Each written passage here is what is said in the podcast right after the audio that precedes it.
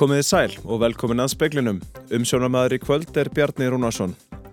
Fjöldahjálpar stöð sem verið er að opna í borgartúni í Reykjavík getur tekið að móti fyrsta flóttafólkinu í kvöld eða á morgun. Stjórnvöld voru uppiskroppa með húsnæði og neittust til að byggja Rauðakrossinu um aðstóð.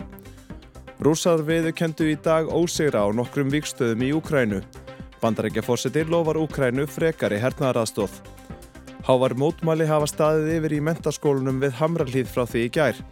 Varaformaður nefndafélagsins segir ótækt að þólendur ofbeldis mæti aðgerraleysi skólastjórnenda. Hundruð hugmynda hafa borist í hugmyndasöfnunina hverfið mitt. Hugmyndir reikvískra skólabarna eru einu orði sagt skrautlegar. Fyrsta flóttafólkið gæti gist í nótt í nýri fjöldahjálparstöður Auðakrossins í Borgartúni í Reykj Reykjavík. Beðinu um að opna fjöldahjálparstöðuna kom frá stjórnvöldum í gerkvöldi og í morgun, segir Alli Viðar Torstensen, sviðstjóri Alþjóðsviðs Rauðakrossins. Þetta er eitthvað sem hefur verið rætt og auðvitað viðbrasáallanir gerir ráð fyrir því að í alls konar ástandi þurfum við að opna fjöldhjálpamiðstöð vegna átakan í Ukrænu og vegna þess aukins fjölda sem hefur komið hinga til lands og óskað vendar.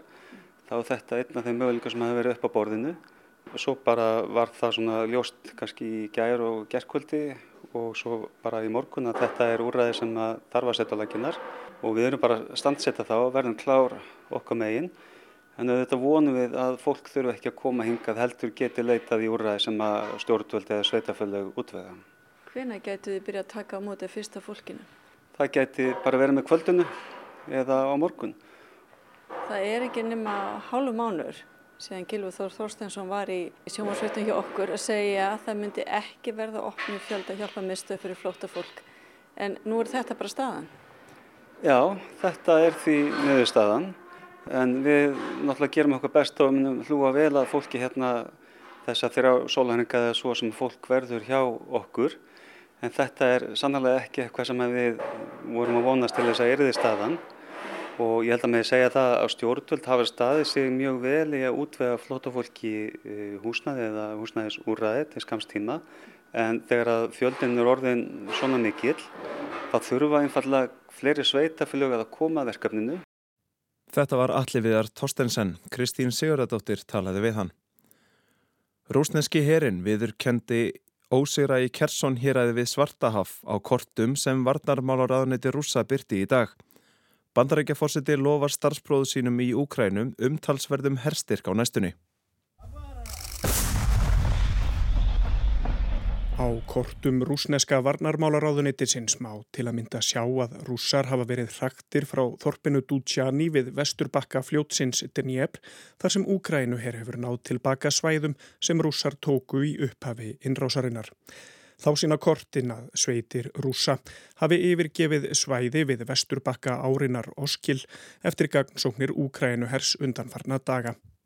AFP fréttastofan hefur eftir yfirlýsingu úr kvítahúsinu í bandaríkunum að Joe Biden fórseti hafi lofað Volodymyr Selenski Úkrænu fórseta hernaðaraðstóð sem nefnur 625 miljónum bandaríkjadala.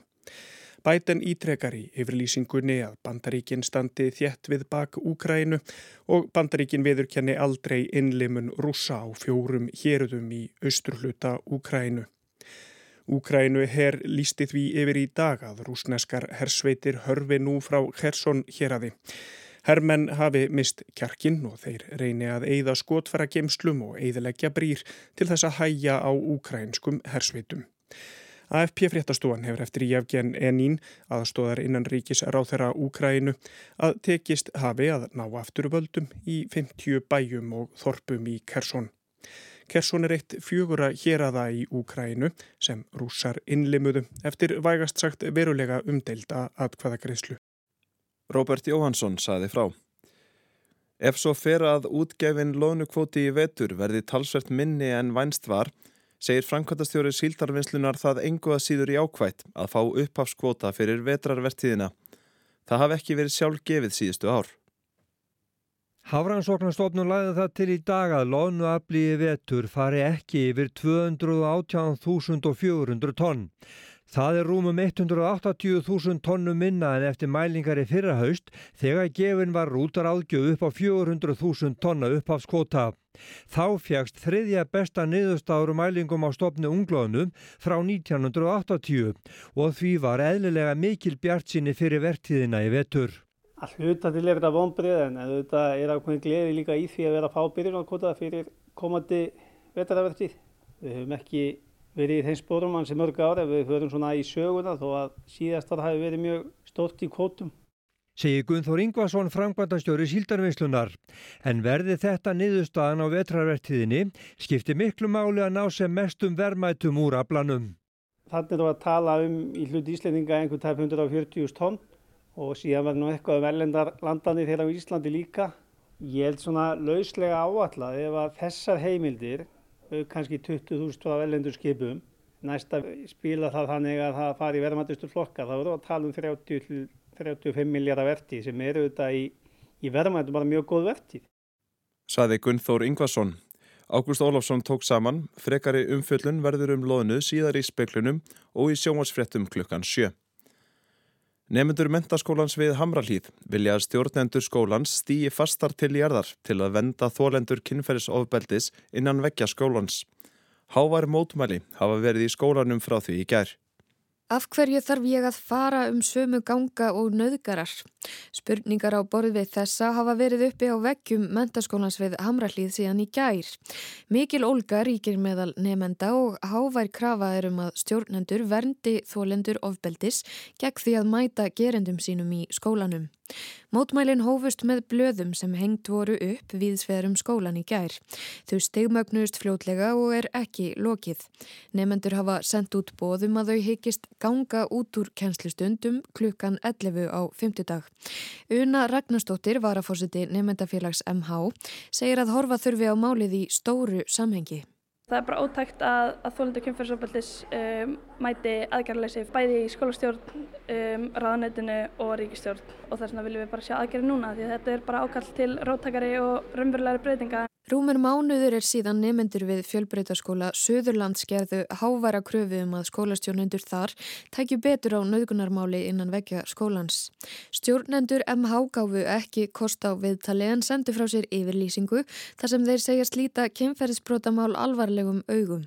Óháður fagaðilega hafi verið fenginn til ráðgjafar og unnið verði samkvæmt aðgerða áallun skólans í þeim málum.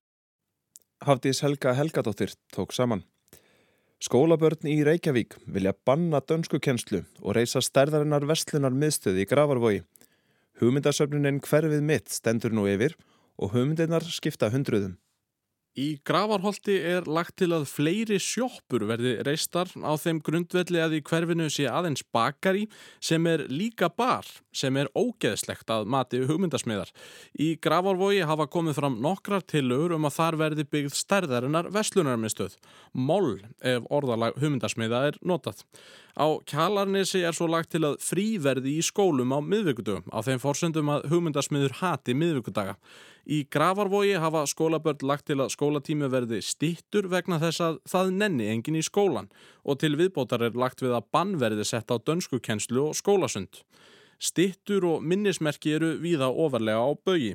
Hugmyndum að reist verði stitta af rapparunum Kanye West fyrir utan Vestubæjarlaug er lögð fram öðru sinni og í breyðholti er lagt til að reist verði stitta af tónlistamannunum Svaveri Pétri Eisteinsinni, prins Pólo, sem lést í síðustu viku.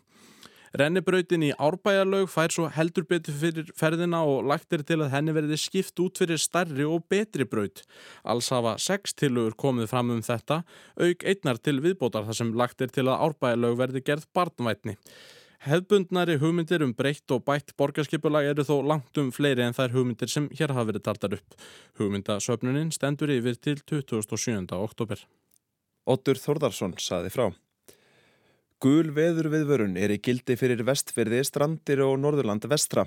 Spáð er talsverðri eða mikillir regningu, vatnavöxtum í ám og lækjum og því aukin hætta á skriðuföllum og grjótrunni.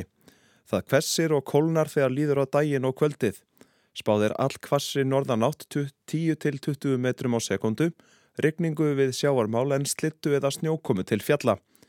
Búast má við erfiðum axturskilurðum í kvöld og nótt á fjallvegum en líklega snjóar til fjalla víða á norðanverðu landinu í nótt. Á vef vegagerðarinnar segir að það gæti verið föl eða hálka í fyrramálið á Öksnadalsheiði, Holtaverðu heiði, Bröttubrekku og Stengrimsfjörðar heiði. Þá gæti verið snjókrabbi bæði á Vaskarði og Þverarfjalli.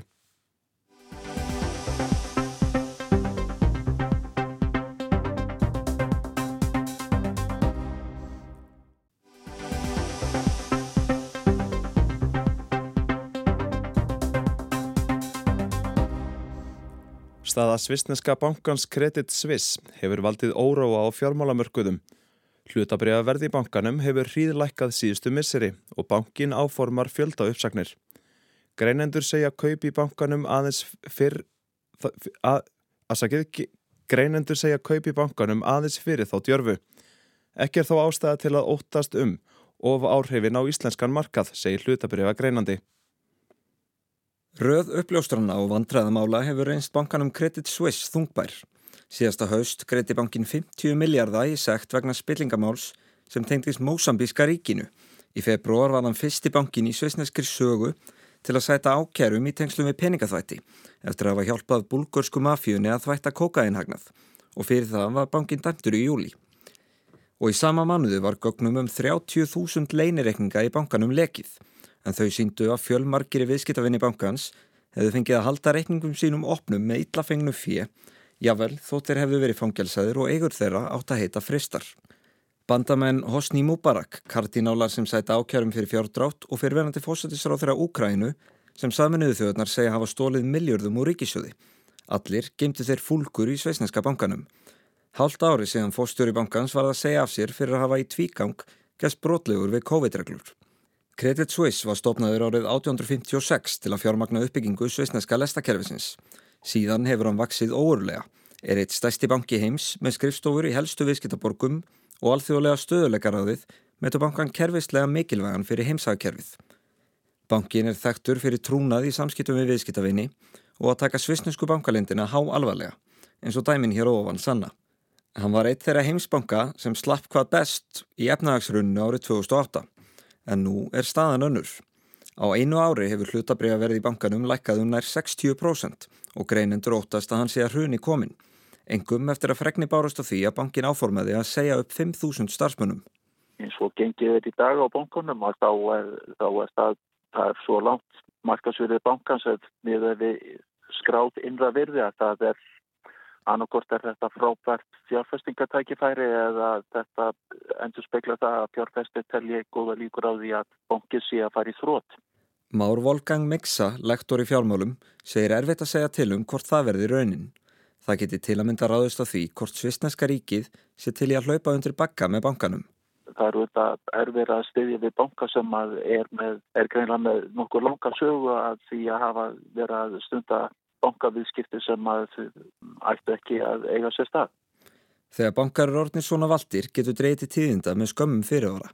Þegar vinitinn hverfa þá hverfur skamtíma fjármögnun og þegar hennar nýtur ekki við getur verið stutt í að bankin fari í þrótt. Snorri Jakobsson er greinandi hjá greiningafyrirtækinu Jakobsson Capital.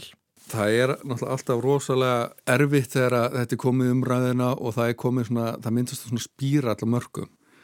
Ef menn byrja að panika þá keirist verðið meira niður og það sama þetta er þetta ákvæmna skuldarálag sem hefur að hækka rosalega mikið á bankanum og það er líklega það sem er einhver leiti gerast. Einn fjárhlutvall Credit Suisse hefur lækkað úr 14,4% í 13% frá áramótum sem þykir skörp lækkun. Eins og það var lausafjárhlutvallið sem að eins og Sælabankastöru segir það er alveg aldrei taprekstur sem setur banka í þrótt, það er yfirleitt skortur og lausufið lausafjárhlutvalli var bara í fínu lægi og var bara á svipun slóðum og eða lausafjárhlutvall íslensku bankana sem eru þrátt fyrir það mörguleiti best fjármagnu bankar í, í svona, já, Evrópu. En annars held ég svo sem með að þessi kennitölu sem skoða að sé, bankin sé, mjög, sé ekki þannig á leðinni neitt þrótt eða einhver veruleg vandrað en það verður örglega ekstra tap og, og annað slíkt á næstu árum og hlutabriðaverðin mun örglega sunga nefnara niður. Landsmenn fengu að kynast því árið 2008 hvernig vandræði stóra banka utan úr heimi hrundu á stað fjármálakreppu, feldu spilaborgina. Mart hefur þó breyst síðan þá, segir Snorri, til dæmis einn fjárhlutfallið.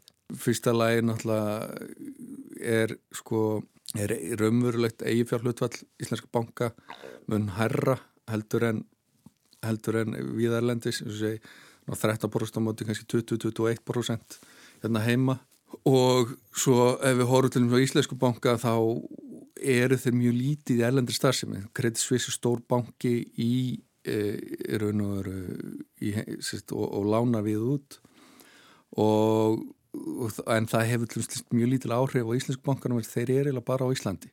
Við horfum til dæmis eins og fjármagnun aðrjónbanka sem ég leita á í fljóttitum að þá verður svona 65% fjármagna bara millánum hinn 35% að þau eru fjármagnun með, með útlánum og að því síndist mér svona um það byrj 20% vera fjármagnað í eurum eða, eða ellendis svo það ef að, en, ef að markaðir sérst, í Evrópu og það verður dýr, fjármagnin er náttúrulega verðan dýrari þar og sérstaklega þegar Sælabankur er að hækka vexta þá er það að draga úr peningamagnu umferð að þá hefur það áhrif bara þennan pínulittla hluta það sem er að gerast í Evrópu hérna á Íslandi en á meðan að kannski Credit Suisse er, er alþjóðlegu banki og, og, og mjög næmari fyrir því sem er að gerast í Evrópu. Þar með er þó ekki sagt að íslensku bankarnir séu ónæmir fyrir því sem gerist út í heimi. Gengi brefa í viðskiptaböngunum Arjónbanka og Íslandsbanka og fjárfestingabankunum Kviku hefur lækkað um á bylunu 12-18% á þremur vikum þó tölunar séu vísu grænar í dag í fyrsta sinni í nokkuð tíma. Stóra skýringi var einhverju letið svo að mann voru að hérna, Ísland var að fara inn í, í fútsívístöluna í Merging Market og áður en það gerðist voru stórir erlendi skamtíma fjárfesta búin að fjárfesta og þeir seldu svo áfram til eh, svona langtíma fjárfesta og þeir voru að selja á kannski einhverjum verðum sem voru aðeins lægri heldur en var á, á markaði en innlendi fjárfestar voru að búast við alveg þver öfu að gengi myndi hækka. Og það var mjög mikið spákummerska í ganga um, gangi um að verði myndi að hækka mjög mikið.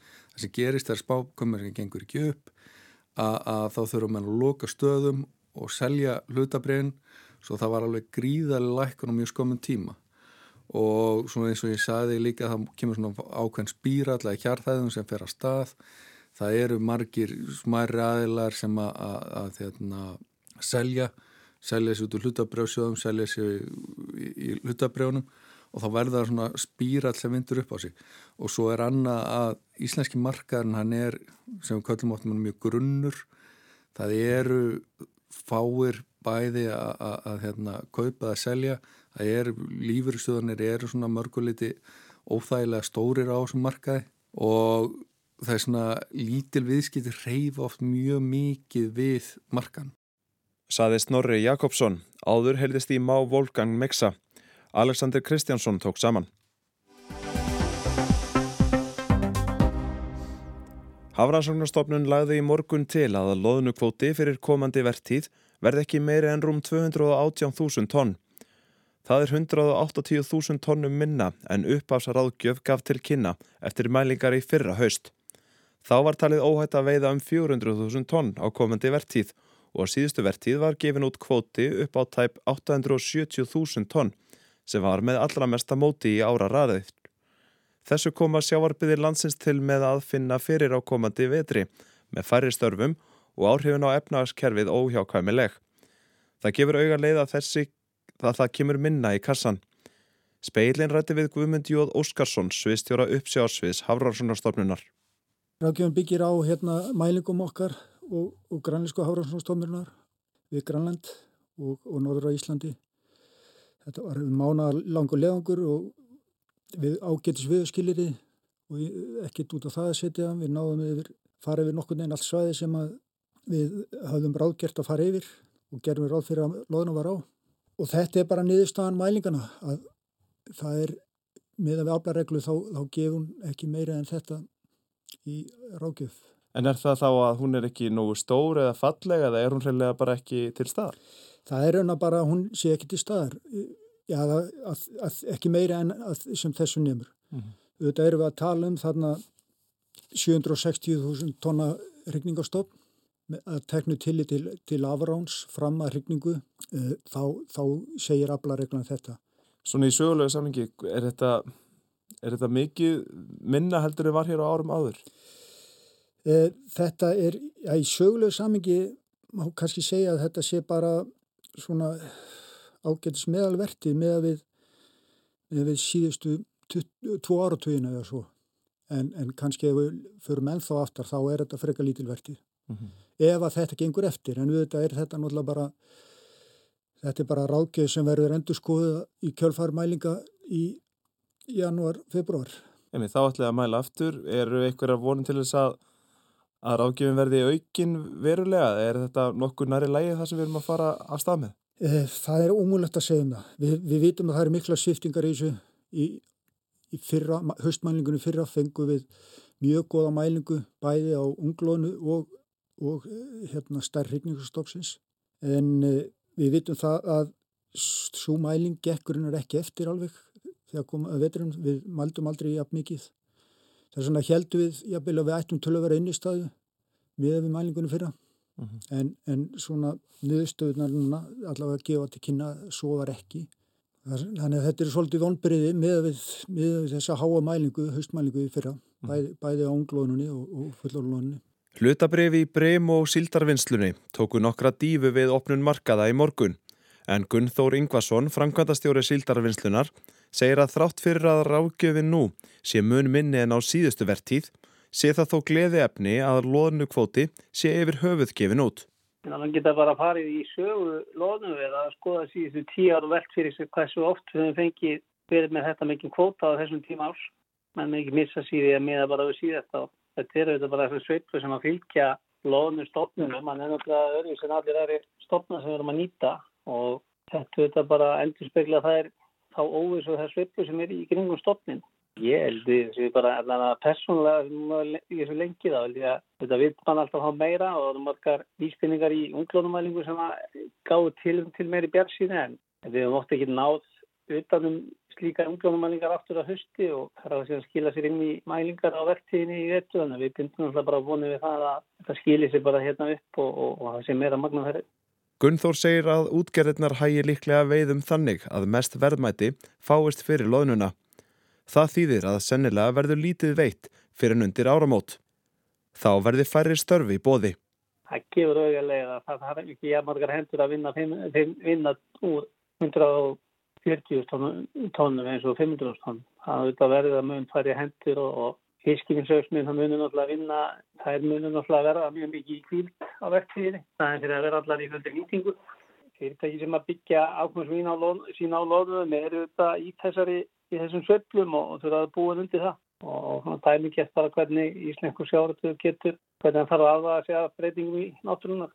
Guðmundur segir að niðurstöður leðangursins fyrir unglóðinu gefi ekki tilefni til mikillar bjart síni fyrir þar næsta ár. Þessi mæling núna, hún er, er það er, er tvennskona markmið með henni. Það er annars vegar að ná utan yfir hérna, ókynþróskal hlutastofsins og kynþróskal hlutastofsins og, og þess ókynþróskal stofnin hann er hérna kemur til hrigningar og verður inn í veiðinni þá þarnast að vetur og mælingin á þeim stofluta núna hún var, já hún náði ekki því að lámarki sem þarf til að, að gefa út abla fyrir þá vertið. Sangant þeirri mælingu þá, þá mun þá mun verða null upphásarákjöf en, en svo rákjöf verður unnar gefin út af allþjóða hárunarráðinu á komandi vikum niðurstaða leðangur sem, sem slík gefur tilöfni til að ætla að það verði null rákjöf upphásarákjöf.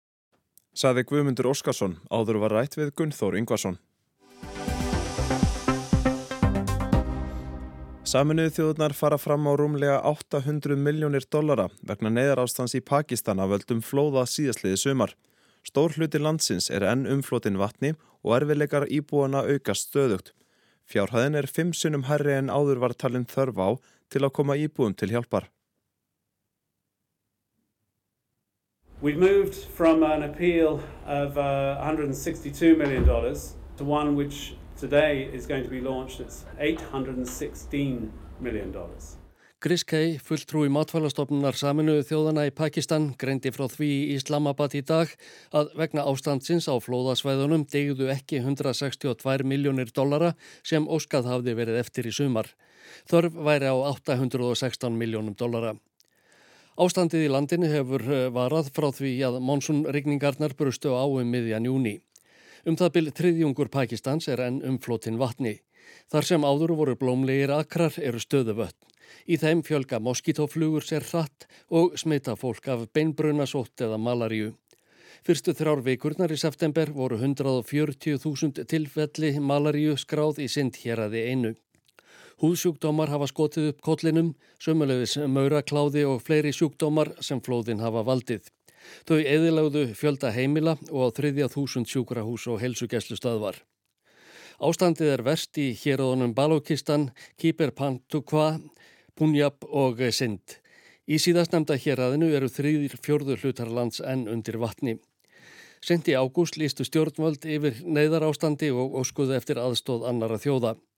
Hamfarastofnun landsins áallar að flóðin hafi orðið 1695 manns að bana, þar af 630 börnum.